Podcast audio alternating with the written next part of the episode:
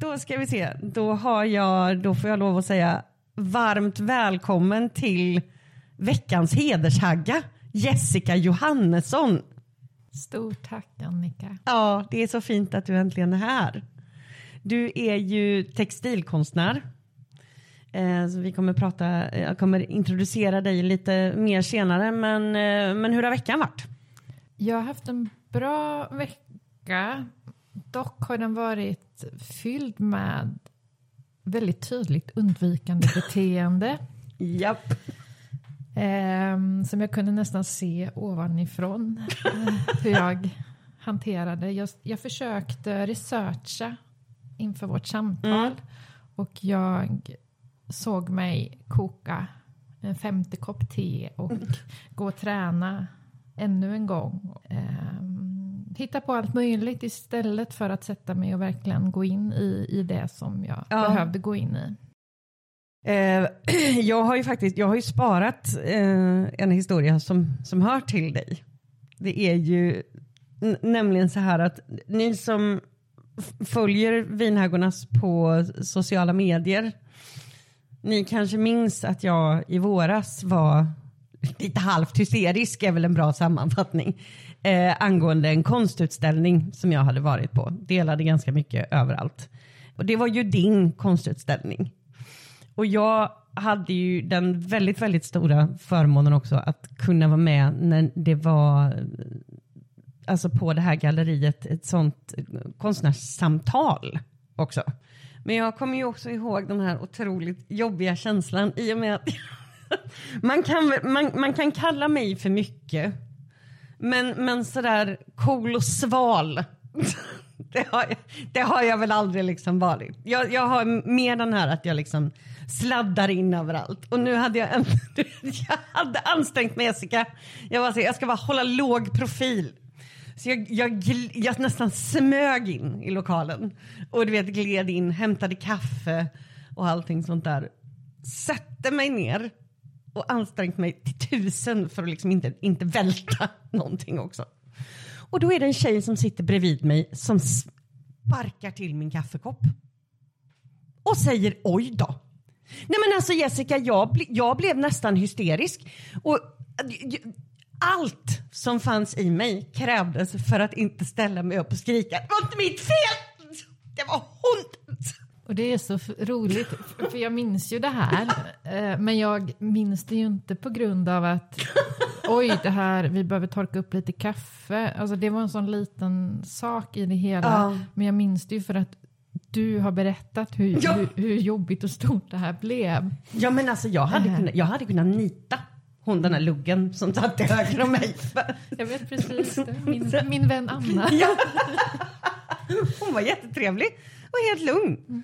För det var ju det här, oj, här spillde vi lite kaffe. När jag liksom har förberett, i princip mediterat för att inte liksom välta någonting. Men eh, så, så, var, så, så var mitt inträde i de eh, finare kulturella rummen. Men, men du, vi ska ju ta, ta, ta oss an det här eh, lite svåra ämnet. Traumabearbetning via konsten. Så nu är det om vi, om vi liksom inte kulturkärringar oss idag, då vet jag inte vad, då vet jag inte vad som krävs. Men du gjorde ju din otroliga eh, utställning som heter Jag har slutat tala, jag kan ro utan åror. Ja. Vi kommer prata lite om några av verken och vi kommer prata lite om ursprunget till den här utställningen. Mm. Ja, vi får ju inte glömma bort att allt ska handla om mig också. Så att- Ja, som ja. min, min, min reaktion på allt det här. Det Och allting fantastiska så. så att det, ska bli, det ska bli väldigt, väldigt spännande. Men vi kan ju gå tillbaka med att säga att vi har ju varit vänner länge, du och jag. Ja, Det är ju, hur gamla var vi när vi träffades? 17, 16, 17? ja 17. Ja, jag är osäker om det är Ja. 16, 17. Men, Mm, Men någonstans där i trakterna. Och nu, nu sitter vi här och är 43. ja. Ehm, sett varandra genom en hel del olika faser. ja, och det känns som min upplevelse är att vår vänskap är ju en sådan att det kan, nu går det ju inte jättemånga år mellan vi ses, Nej. men tidigt, ett, ett tag gjorde det det. Precis. Och då kunde vi gå fem år och så sågs vi och så gick vi direkt på kärnan ändå. Ja. Vi har liksom inte tid med det här kallpratet. Nej, precis. Eh, Tjafset runt omkring. nej. Nej. Så det, det är en fin vänskap. Det är en väldigt, väldigt fin vänskap. Eh, vi ska prata om den här utställningen idag därför att när jag kom dit och såg den första gången så det var lite som att få en slägga i magen. För att i de verken som du har skapat i det här så såg jag det var som en representation av mina sargade organ efter allt som har hänt och allt som inte blev. Ehm, jag tycker att det är jättesvårt att prata om de här bitarna men ehm, vi ska försöka ta oss, ta oss igenom det här samtalet tillsammans. Till, till den här otroliga utställningen så finns det ju också en eh, inbunden text som hör till allting. Eh, där du går igenom olika delar och, liksom- och det är otroligt fint. Och vi ska få höra dig läsa lite om inledningen till det här nu. Sammanfogandet, nödvändigheten, att bygga. Lindandet är inte ett omhändertagande. Det är inte milt. Det är kontroll. Det handlar om att göra om något till hur en själv vill att det ska vara. Pressa och kväva.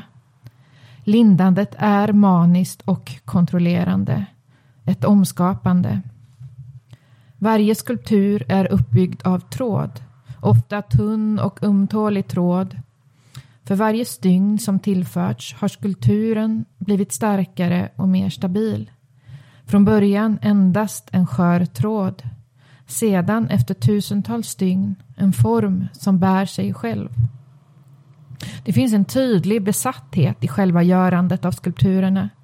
Ett tvångsmässigt upprepande där det knappt finns en början eller ett slut och där gränserna sedan länge är upplösta. Nödvändigheten i sammanfogandet. Av ingenting kan mycket byggas. Min hud är en gräns. Jag har skurit sönder min hud. I rädslan vilar ingen kreativitet. Är det även tvärtom? Att i kreativiteten vilar ingen rädsla. Jag tänker att jag vill gräva i mörkret. Det är en lek som kan uppfattas som något mjukt och gulligt. Det är på liv och död. Pågåendet. Att alltid ha en fast punkt när allt annat rör sig. Jag vill känna innan jag dör.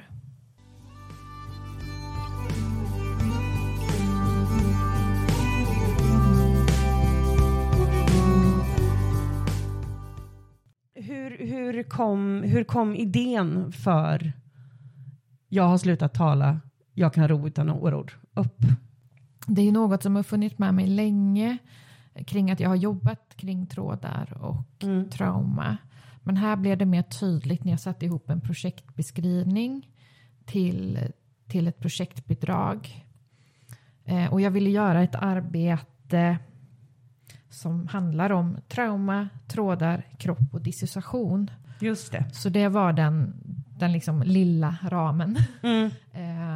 Den lille. Ja, den lilla ramen.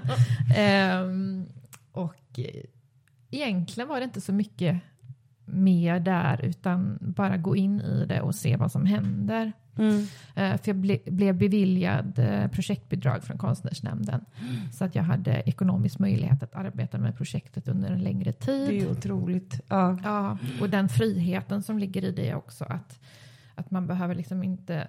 Man är så öppen för att följa den konstnärliga processen. Mm. Ehm, det är fantastiskt. ehm, så att man inte behöver låsa sig i att det ska bli precis det som man började Mm. projektet med. Utan det får vara så organiskt som det behöver vara. Precis. Jag tänker på, för de, de som lyssnar som inte är insatta i dina verk. Vill, vill, du- vill, du, vill, vill du förklara liksom praktiskt eh, vilka material du Mm. använder? Att det är ju skulpturer. Mm. du gör först och främst. Ja, det Skulle man väl säga. Ja, eh, skulpturer oftast väldigt eh, organiska skulle jag själv beskriva det. Mm. Och de är abstrakta, eh, så icke föreställande. Kan ju skifta i storlek. Eh, men jag skulle nog säga att de flesta har någon slags kropps, kroppsstorlek. Tor, tors, Ja. Torso. Ja, det får du tippa på. Ja. Um, Torsostorlek. Ehm, de eh, är uppbyggda av tråd. Så jag har hittat på en egen teknik där jag sammanfogar tråd på ett sätt som, som gör att skulpturerna blir liksom bärande och håller ihop. Antingen så är det att jag syr Mm. otroligt många stygn så att det blir en kompakt yta. Eller så kan det vara att jag knyter eh, och sammanfogar på det sättet. Ehm, virar, snurrar, Ja. trycker ihop. Det är ju inte några knutar. Jag har ju sett några av dina stora eh, verk. Det är, det är otroligt intrikat jobb och jag tror att det är det som jag älskar så mycket med det och, och det som ber, berör mig med det så, så mycket för att just den här grejen att tråd är så eh, på något sätt lelöst och menlöst i sig självt. Ja, det, Och att du lyckas liksom knyta det här till att det blir bärande strukturer. Och det är ju något som driver mig hela tiden. Ja. Just det där av att, att ha en väldigt skör tråd och med det bilda en, stabil yta. Ja. Eh, men också göra det på ett annat sätt än någon traditionell teknik som, som, som en vävteknik till exempel där jag Mm. måste förhålla mig till väldigt mycket regler. Istället kan jag vara helt fri och hitta på min egen teknik Mm. och det är någonting som driver mig. Eh, och att det hela tiden finns något slags av undersökande och experimentellt i det. Mm. Eh, så att jag aldrig har en plan för vad det ska bli. Utan, utan upprepandet kommer liksom, det extrema upprepandet som det blir då, mm, kommer leda mig någonstans. Eh, och det finns en nyfikenhet och ett driv där som är väldigt spännande. Mm. Ehm, och materialen kan ju skifta väldigt mycket för mig. Det kan vara en väldigt tunn, tunn lintråd eller syntettråd. Tagel har du ju använt också. Mycket, Ja. ja. Och den är ju en otroligt frustrerande Jag hade material. fått, jag hade fått Ja. panik. Jag, jag kommer ihåg, för det vet jag att vi pratade, eller vi, vårat konstnärssamtal på din, nej, men, när, när hon intervjuade dig så ha- hade ju du en beskrivning av, av just hur det är att jobba med tagel som fick det att klia i mina njurar. Ja, ja. Vill du berätta bara lite så, så att alla andra kan lida också? Ja men precis. Nej, men det är ju delvis är det är ju hästhår. Eh, så det kommer troligtvis från hästsvansen, det som jag har använt mig av. Och därmed är det ju inte särskilt långa trådar. Eh, men de är också väldigt sköra. Så att när man syr med dem så hinner man kanske sy tre stygn. Ja. Sen, går, sen går taglet av och då får man trä om. Har man tur så kanske man hinner tio stygn innan, Herre innan liksom den här äh, 20 centimeter biten är över Ja. och man behöver Ta en ny. Ta ny. Nej, nej men alltså det här ger mig sån panik. Alltså, jag, jag, jag undrar om inte det hade varit det som hade bara tippat mig över vansinnets rand. Eller tvärtom. Precis, Ja, eller men det är, tvärtom. det Ja. är ju någonting för att jag är ju jättefrustrerad i den processen Mm. men samtidigt är det ju någonting där som, som driver och som jag inte kan sätta ord på. Mm. Men, men hela den här synen på att hålla på med konst är något mysigt och trevligt och eh, bara det är ju bara en romantiserad... Ja. piruettar runt i kaftaner och, och är svår. För oss som jobbar med tråd, alltså det, är ju, det gör ont i kroppen, Ja. det, vi verkar i ryggen. Det måste göra fruktansvärt ont i händerna. Ja, Alltså jag tänker, ni, ni borde ju kunna eh, liksom, tävla med Göteborgs eh, samlade gitarrister när det kommer till valkar på fingrarna. ibland. Ja. Ibland, ja precis. Underbart. Eh, när, när det kommer till abstrakt konst så tycker jag det är väldigt, väldigt eh, spännande att läsa konstnärens text i efterhand. För jag vill alltid gå in först och se liksom vad det väcker i mig. Och då har du ett verk som jag har döpt till torson. så det heter det i mitt huvud, men vad heter det på riktigt? Det heter, eh, det är latexverket. du- Ja, precis. Mm. Vidröra det omöjliga. Okej, vad fint.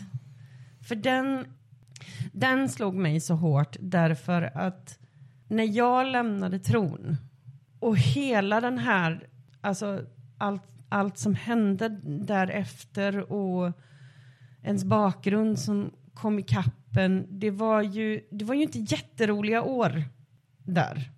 Jag minns verkligen en känsla i kroppen att allting i mig det var som att någon hade liksom snurrat ihop, du vet så här, tusen, som en sladdhärva. Jag, jag, mitt inre kändes som en gigantisk sladdhärva.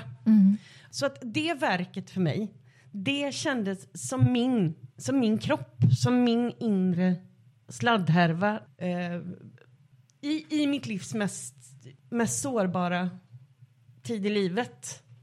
Kan inte du berätta om verket, lite din tanke bakom och liksom processen i hur, hur du fick ihop det här?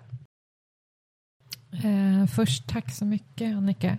Det, det är väldigt, väldigt fint som konstnär att få, få höra någon berätta om Ja. en upplevelse.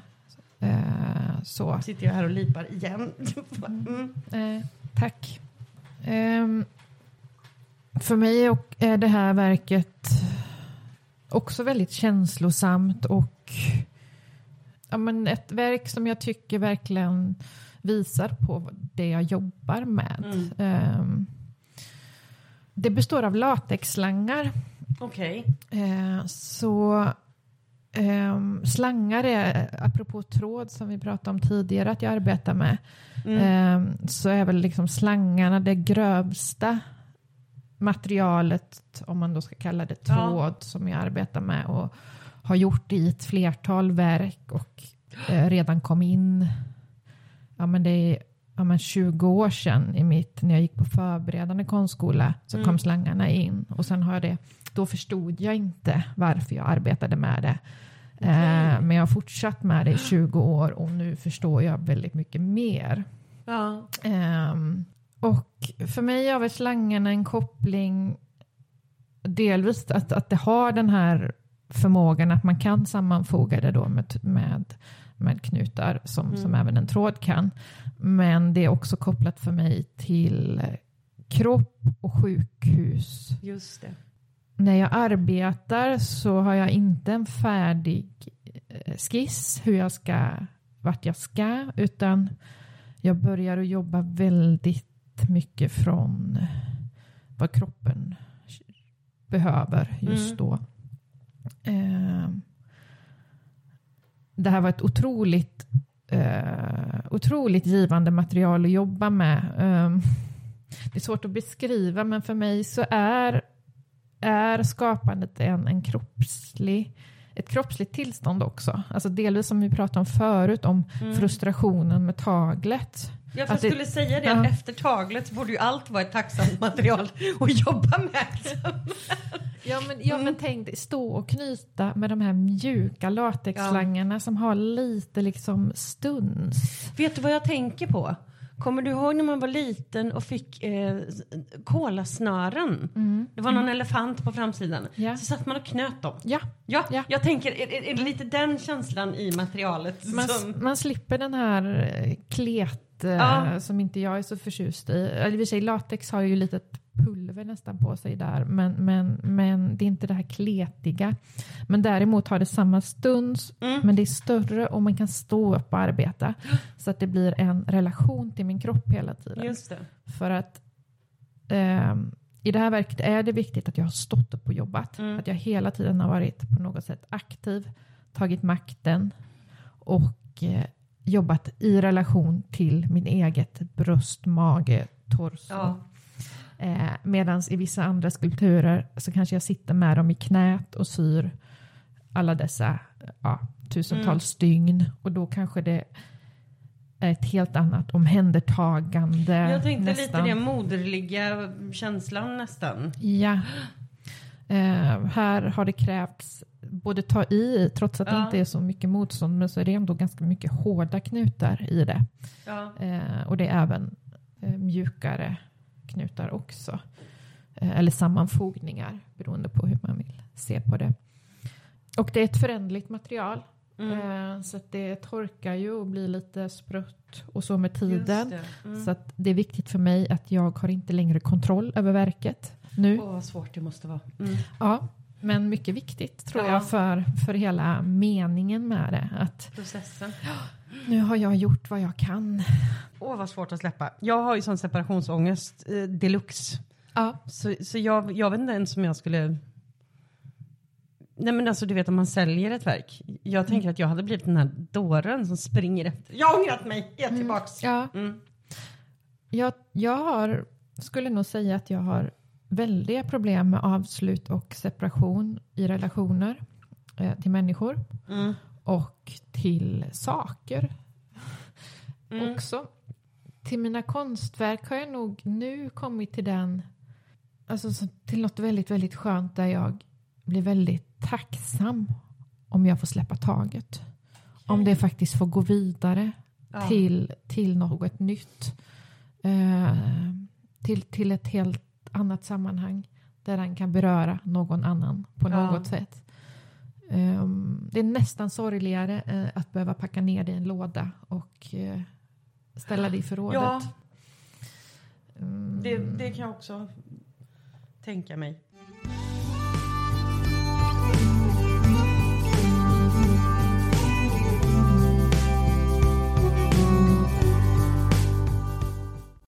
Vi ska lyssna på dig eh, läsa upp en, en liten del här som handlar om din tid i barndomen. Sjukhuset, träskeppet i foajén, slangarna. Idag hämtade jag min treåriga systerson på förskolan.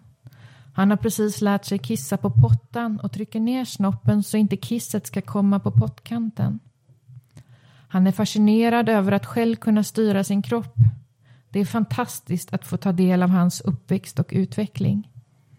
Han är så liten men har ändå en sådan stor förmåga av att sätta ord på saker och funderingar. Ibland får han ont i magen, blir blyg och tyst. Han är i samma ålder som jag var när de började göra medicinska undersökningar på mig. Han är så liten, nyfiken, sprallig, klok och känslig. Hur var jag? Jag var även i hans ålder när de försökte sätta in en vuxenkateter i mitt urinrör. Vuxenkateter i ett treårigt barns urinrör. Den gången protesterade jag. Enligt mina föräldrar så var det enda gången jag sa nej. Jag förstår inte. Enda gången jag sa nej. Jag var gullig och omtyckt på avdelningen. Så söt med mitt lockiga hår. Jag får inte luft. Här svartnar det. Jag kan inte närma mig detta. Varannat år i över tio år, ungefär fyra dagar åt gången, tillbringade jag på ett stort sjukhus långt hemifrån. Jag var tre år. Jag var fem år. Jag var sju år. Jag var nio år. Jag var elva år. Jag var tretton år. Dagarna var fyllda med undersökningar. Det var i mitt underliv och i min urinblåsa. Ensamma nätter på sjukhus, skeppet i foajén, hissen upp, min mage som värkte, godis som smakade gott, tallriken med mat under en sådan där plåtsak som ska hjälpa till att hålla värmen på maten. Samma plåtsak som kom över tallrikarna när jag nästan 21 år senare på precis samma sjukhus vårdades för mina svåra ätstörningar. Efter ett tag lärde jag mig vilka undersökningar som var vad. Jag delade in dem i det bra och i det som det inte finns några ord för att beskriva. Det blev nästan så att jag såg fram emot det bra. För de undersökningarna var en sån tydlig kontrast till det som inte det finns några ord för att beskriva. Det med kameran utanför min kropp, det där jag fick behålla mina kläder på, var de bra undersökningarna. Det som det inte fanns några ord för att beskriva, det med slangar i mitt underliv, var det andra. Jag kan inte närma mig detta. Sista gången jag var på sjukhuset i den stora staden, långt borta från mitt hem, var jag 13 år och jag hade mens flödande ut ur min kropp, ut ur mitt underliv som borde få ha varit mitt. Undersökningarna utfördes ändå. Och håret mellan benen och brösten och kroppen och mensen och min kropp som borde få ha varit min. Detta är det svåraste arbete jag har gjort. Jag vill inte närma mig det. Jag vill stänga ner datorn och säga nej. Detta går inte.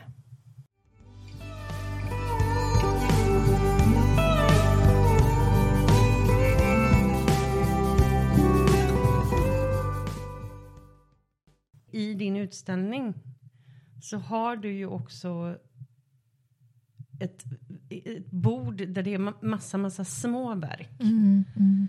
Eh, och där är allt det här med de små underbyxorna, sjukhussängen, eh, alltså slangar och allting sånt som är otroligt, ot otroligt fint. Mm. Och hjärtskärande. Eh, vill du, orkar du dra, dra igenom lite liksom den, den biten och hur, hur det har lagt sig i, i kroppen och sen i dina, dina verk? Ja.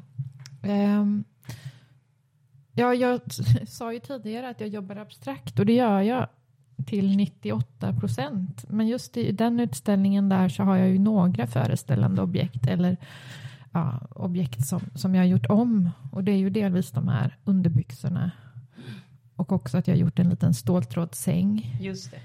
Mm, och det här var något som jag fann i, min, i min, mitt förråd, i min ateljé. Så det, de här har jag gjorde jag, ja om det är nästan 18 år sedan eller någonting liknande. Mm. Eh, små objekt som, som jag då inte eh, heller då var medveten om riktigt vad det handlade om utan jag jobbade totalt från något, en magkänsla. Eh, och när jag fann de här så såg jag ju det är precis det här som jag arbetar med i det här projektet. Mm. Um, så jag tyckte att de passade så bra att... In i det. Ja. Uh, och det bordet du beskriver, jag hade två olika bord på utställningen. Uh, där det är en underliggande skiva och sen på den här skivan så nu har jag svårt att uppskatta, men så kanske det är 15 till 20 små träskivor ja. i precis samma material. Och på varje träskiva så ligger det en skulptur eller ett objekt som jag har gjort. Eh, även något lite liknande collage med lite, några ord. Just det. Eh, och allt handlar om, trots att de är gjorda tidigare, delar av dessa objekten i mitt konstnärskap så handlar det om precis det här som utställningen och projektet mm. Jag har slutat tala, jag kan ro utan åror gör. Och det grundar sig i eh, upplevelser jag hade som barn. Mm. Där jag var med eh, i en forskningsstudie. Eh, jag visste inte om att det var en forskningsstudie förrän jag var ungefär 24 år. Oj, ja. Så jag trodde att jag var sjuk under hela den här tiden. Jag var strax innan tre när det började. Och sen så fick jag under den här tiden eh, tillbringa fyra dagar på sjukhus varannat år. Och jag var då, jag var tre år och jag var fem år, jag var sju år, jag var nio år, jag var elva år och jag var tretton år. Eh, undersökningarna handlade om mina njurar och urinblåsa. Så de gick ut på att de var i mitt underliv. Mm. Eh, och gjorde de här medicinska undersökningarna. Experimenterade nästan, eller kan man, kan man kalla det det? Eller liksom... Ja, alltså, jag säger idag är det övergrepp. Ja. Mm, det har tagit väldigt lång tid för mig att kunna närma mig det här. Ehm, jag var först 38 år, idag 43, eh, när jag för första gången pratade med en psykolog på riktigt om Mm. det här. Eller det var snarare så här, det var första gången någon lyssnade på mig. Mm. Jag har varit i psykiatrin sedan jag var 22. Mm. Ehm, så jag... Det gör ju någonting med en människa att bli fråntagen sin autonomitet. Att, att liksom andra människor kommer in och, och bestämmer liksom var dina gränser ska gå. Alltså du, har inte rätt, du, ha- du hade inte rätten till din egen kropp liksom. Men jag förlorade gränserna innan de ens fanns. Ja. Nej, och där hittar man ju då som barn eller tonåring Mm. sina sätt att klara av det här. Exakt. Eh, och en del kan ju vara det här av att koppla bort sig själv. Jag skulle precis säga det. Det finns ingen närvaro. Det finns så mycket ångest i det med att koppla bort sin kropp. Mm. För att man måste ju någon gång tillbaka till kroppen. Ja, precis. Och det är nog det jag har svårast för. I stunden under en dissociation så är det ju inte, det är inte det svåraste för mig utan det är de här, att nu ska jag tillbaka till Mm. verkligheten på något sätt. Eh, och vara. Min svårighet med att uttrycka mig, att tala, att kommunicera som har varit eh, för mig kanske det svåraste i livet att jag har då, jag har ja, men ungefär när vi lärde känna varandra, den Mm. tiden eh, så har jag eh, minnen och dagboksanteckningar där jag verkligen önskar att jag var född stum. Ja. Eh, det står tydligt, om jag hade varit född stum så skulle ingen förvänta sig att Nej. jag talade. Så på riktigt, jag önskade att jag var stum. Mm. För så stor var min oförmåga att kunna tala och kommunicera. Mm. Eh, så att se det, eller liksom att det blev så, så, vad ska man säga, att mina självskadebeteenden blev så allvarliga och höll i sig under så otroligt många år. Det var ju för jag behövde ett sätt att uttrycka mig. Ja. Eh, alltså få ut, nu menar inte jag att visa upp för andra, utan bara för att få ut det jag upplevde inombords. det är så roligt att det en av de liksom konstupplevelser som jag har haft som har talat mest till mig är gjort av liksom mi- min vän som är en av de mest rötna kommunikatörer historiskt sett genom livet liksom. Det, är- det, det, det, är, det är ändå otroligt, förstår du vad jag menar? Tack. Varsågod. Nej men jag, men, jag menar liksom Ja, den, att det, det, blir, det blir på något sätt, det, det är så fint att har man svårt att uttrycka sig om svåra saker, att, att man kan hitta andra sätt att göra det. Och det är därför som jag blir så exalterad, just på grund av materialen Mm. du använder som i sig är liksom ja, men, sl- sladdriga och lelösa och gör ingenting. Och sen knyts det här ihop till egenbärande verk. Det är ju som att någon, alltså att man, man ja, men, ja men du vet som att någon liksom använder och, och, och att man knyter ihop sitt eget liv och gör sig själv till en självbärande struktur. Mm, ja. kammar sig och betalar hyran. Och det är det jag tycker är så intressant. För, eh, för det jag pratade om med, med självskadebeteende, jag vill absolut inte romantisera det på något Nej. sätt. För det, det, är ba, det är helt otroligt mörkt och fruktansvärt. Mm. Men att finna det här andra sättet att uttrycka sig. Eh, och den övergången var väldigt tydlig för mig faktiskt. Okej. Eh, sen måste jag också säga att jag, det, jag kommer ju från en arbetarklassfamilj där konsten var eh, alltså totalt icke-närvarande Ja. i min uppväxt och liv. Eh, så både liksom ekonomisk arbetarklass men även kulturell. Så, men det som fanns och det som följde mig hela barndomen och uppväxten var ju en kreativitet som Mm. fanns. Eh, och den höll jag i eh, tidiga 20-årsåldern. Och, men då var det hela tiden ett skapande som var antingen skulle man teckna Just det. eller så skulle jag skapa saker som folk kunde använda. Så det gjorde jag och mina vänner. Eh, åkte runt på feministiska marknader och sålde väskor, smycken, Mm. collage, allt möjligt som vi gjorde. Eh, och under den här tiden så var andra saker väldigt svårt i livet. Och jag eh, under våren så var jag inlagd på behandlingshem eh, för ätstörningar eh, i andra sidan av Sverige. Och kom tillbaka till Göteborg som jag bodde i och kom in på förberedande konstskola några månader senare. Och det var på den förberedande konstskolan som jag förstod för första gången att jag kunde jobba abstrakt. Okej. Ja. Och där öppnade sig allt. Gick tre år på förberedande konstskola, Mm. fem år på konsthögskola efter det.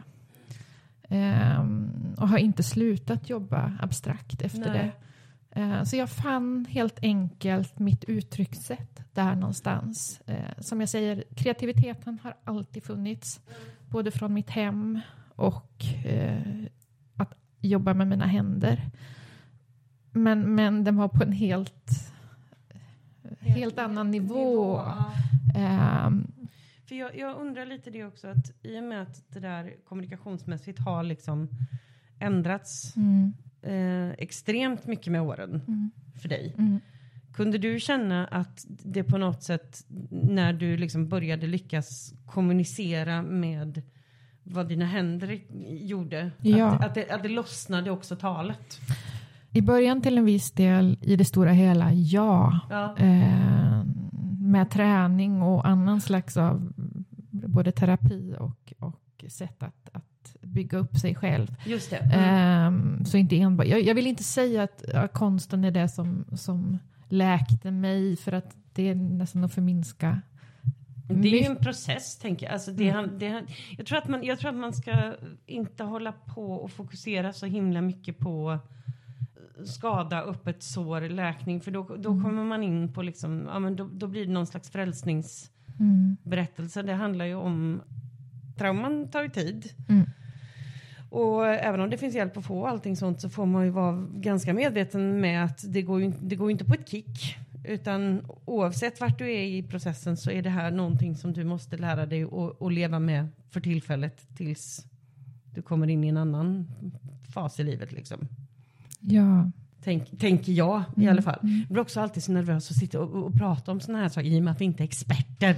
Det här är ju som ni, ni vet, det här är ett samtal vänner emellan om din otroliga utställning. Så pr- pratar vi runt. Liksom. ja, och det är ju också därför, alltså, det är fortfarande så som jag berättar. Det är ju genom mina skulpturer. Mm. Eh, alltså de, det jag säger nu är att det är vad jag försöker säga. Eh, s- skulpturerna är fortfarande mitt språk. Att sitta här och prata är ju eh, inte enkelt. Nej. Eh, så.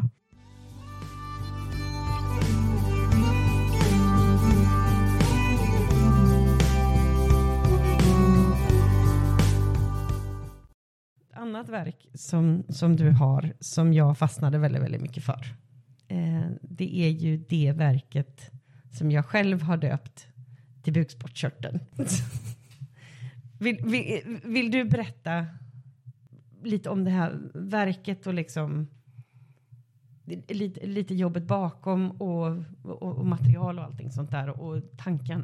Ja, eh, detta livsviktiga organ. Precis. Ehm, som jag då inte har, det är inte vad jag försökt att det ska föreställa. Nej. Men jag förstår verkligen vad du menar Mm. när du säger det. Vad heter det? Det heter, det heter Väntan. Väntan, Mm. okej. Mm. Ehm, och jag ser väl att många av mina titlar har någon slags av tidslinje. Alltså så här, Ja. de är, alltså det är så här mycket tid i, i orden. Eh, väntan. Ja men det heter väntan och det är helt uppbyggt av tråd. Mm. Eh, var från början en stor eh, formation gjord av mohairgarn, ett hampa pappersband eh, och eh, eh, gjord med min stygteknik där jag liksom sydde med det här pappersbandet Mm. gjort av hampa då. Eh, ja men sådär um, ja men tusen tusentals stygn för att försöka få ytan att bli som jag önskade. Jag kom aldrig dit. Mm. Eh, ytan blev tätare och tätare och, och formen stabilare. Men alltså jag fick verkligen aldrig ordning på det. Eh, och detta gjorde jag också. Det här var ett verk som jag som jag hade ett tag hos mitt ex. Mm. Eh, så att jag alltid hade något att göra när jag var hos honom. Eh, för Ja. så, så behöver jag ha det. Ja. Eh, eh, jag behöver jobba med mina händer. Och sen tog den relationen slut. Och jag tycker att jag ser det väldigt mycket i, eller jag kan liksom läser in det i hela verket, i svärtan, i, Mm. i avsked, i separation och sm- smärtan det, eh, det innebär. Oavsett om det är en bra relation eller inte så är separation och avsked Mm. fruktansvärt svårt. Så för mig handlar det verket väldigt mycket om, om det. Eh, överlag, avsked och separation. Eh, men sen när jag liksom förstår jag kommer inte få ordning på det här verket Mm. så känner jag att jag behöver liksom kontrollera det, jag behöver omforma det. Så jag började liksom nästan knyckla ihop det. För som sagt, det var ganska stort. Eh, jag knycklar ihop det, jag börjar snurra eh, en tunn, tunn syntettråd runt och formar och, och helt plötsligt så börjar jag få det till en form som det bara, det är så här, det är så här det Ja. känns. Eh, men ändå kommer jag inte fram till det. Eh, Det är någonting som fattas hela tiden. Det, det blir nästan för fint. Det är hela tiden det att jag rör mig mellan sådär med textilkonst, hantverk. Mm. Det är lätt att det blir för fint. Jag, Eh, jag fattar. Mm. Det måste dit en nerv hela tiden. Precis. Och ofta ger jag inte upp innan jag hittar den nerven. Då kan jag, då kan jag ju eh, glädja dig med att mitt intryck Mm. eh, av det verket var ju ond, bråd död. Fantastiskt. Eh, ja, precis. Komma, komma med lite ljusglimtar här. Ja. Men det var... Vi ska gå över och lyssna alldeles strax på när du läser från din text om London ja. och lite vad som hände där. Mm. Och på något, på något sätt med sådana upplevelser så, så lämnas man ju med känslan att eh, någonting inuti en faktiskt har, jag skulle säga uttrycket knycklats Mm. ihop Mm. och, och, och liksom självruttnar och, och, och svart, alltså blir svart. Mm. Så på, på det verket berörde mig på det sättet liksom. Men vi ska lyssna när du läser om eh, London. Ja. Överfallet. Victoria Park, mitt älskade Victoria Park. En kärlekshistoria, en kamp för mitt liv där hans fingrar krossades i min mun. Platsen. Jag har haft koll på min skugga när jag har tagit mina kvällspromenader. Platsen. De undrar om platsen.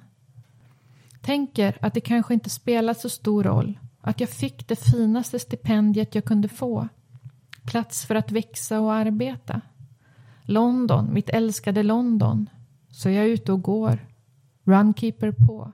Mäter varje kilometer jag tar i min park. Har gått fem kilometer och tänker att jag behöver gå några till. Sedan gå hem. Istället dog jag.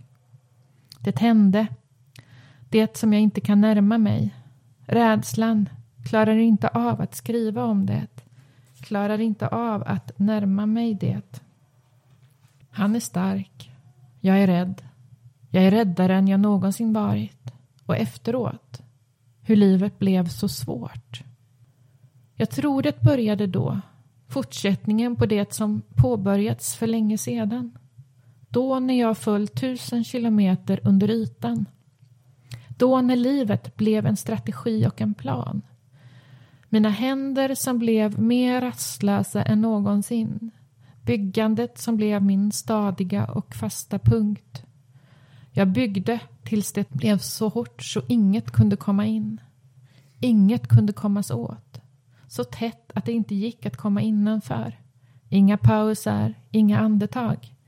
Mina händer alltid sysselsatta. Inga hålrum för utsipprande känslor. Jag tror det var då det började. Den där fortsättningen på det som hade påbörjats för länge sedan.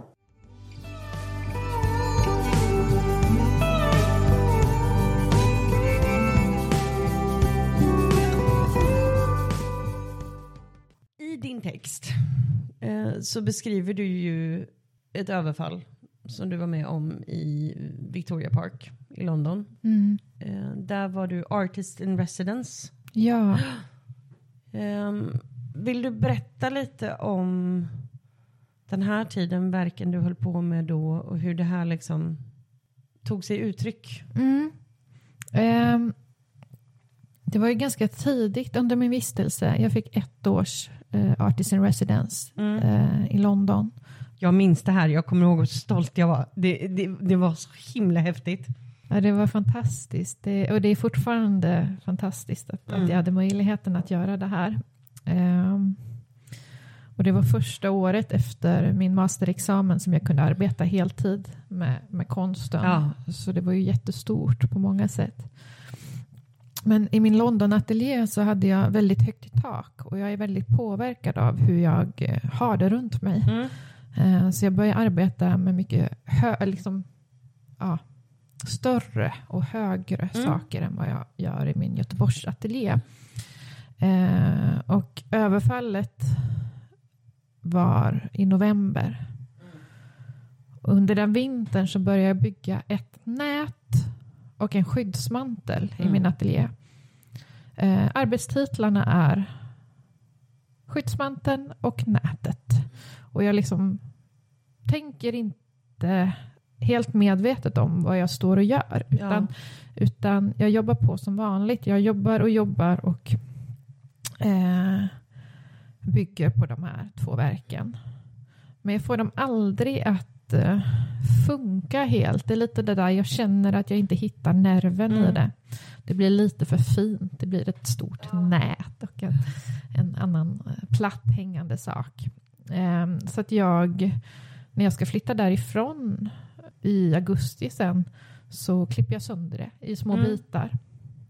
Eh, och sen så tar det till ungefär för ett och ett halvt år sedan så förstår jag att jag hade döpt de här två verken till nätet och skyddsmanteln efter jag var med om ett överfall. Ja. Ehm, och känner nu att jag är redo på något sätt att arbeta med den här upplevelsen. Ehm, det, under många år så kunde jag inte närma mig det. Ehm, och kan väl knappt än idag, men jag kan Ja, det är ju ingenting man, man bjuder in varandra till myskväll för att gå i. Äh, ska vi inte ta en liten tripp down mem- memory lane? Ja, Det och- ja. Men jag, jag, ja men där är jag nu. Mm. Och nu har jag fått ett nytt projektbidrag från eh, Konstnärsnämnden Mm. till att undersöka vad är en skyddsmantel? Vad kan en skyddsmantel vara och eh, vad... Alltså jag vill undersöka när har jag behov av att ha en skyddsmantel? Mm. Eh, vilka material bör den vara av? Eh, hur har det varit tidigare i mitt liv? Mm. Eh, alltså en helt subjektiv upplevelse. Och jag vill skapa en mängd verk Ja. som, som på något sätt går i det här temat nät och skyddsmantel. Eh, eller jag har ju redan börjat, jag har jobbat med projektet ett bra tag nu. Eh, Jag har ju sett lite av det. Det är ju otroliga grejer. Vad, vad ohysterisk jag kommer vara när jag får gå på utställning. Det, det ser jag fram emot. Ja. Ja.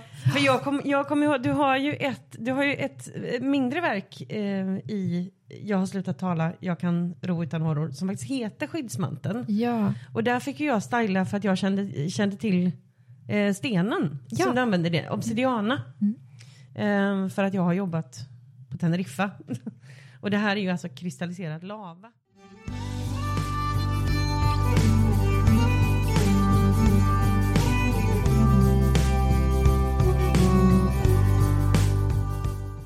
Jag ser väldigt, väldigt mycket fram emot att se vad som kommer fram ur, ur allt det här. Mm.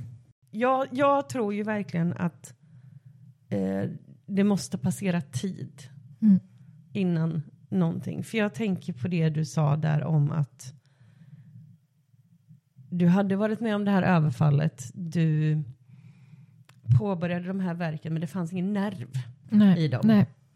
Och den kunde kanske inte finnas då. Det är lite det, Eh. jag, det jag tänker Mm. för att det behöver gå tid. Och Mm. där kan jag känna att jag drar en, en referens mycket till alltså om hur frikyrkan behandlar avhoppare. Varför kommer ni nu Ja. och mopsar upp er? Ja. ja. Det här hände för 20 år sedan, släpp det och gå vidare. Nej, därför att så länge som man har varit i någonting, mer tid behöver nästan gå innan man kan prata om det på något sätt, innan man kan göra någonting av det. Ja, och kroppen är ju klok också. Kroppen tar Den- ju hand om sitt alltså. Ja, den Mm. släpper på saker när, när det kanske går att släppa på saker. Eller öppnar upp för det. Och det, precis som du säger nu, det var ju det som jag, nu när jag har liksom sprungit runt med massa ångest för att jag ska,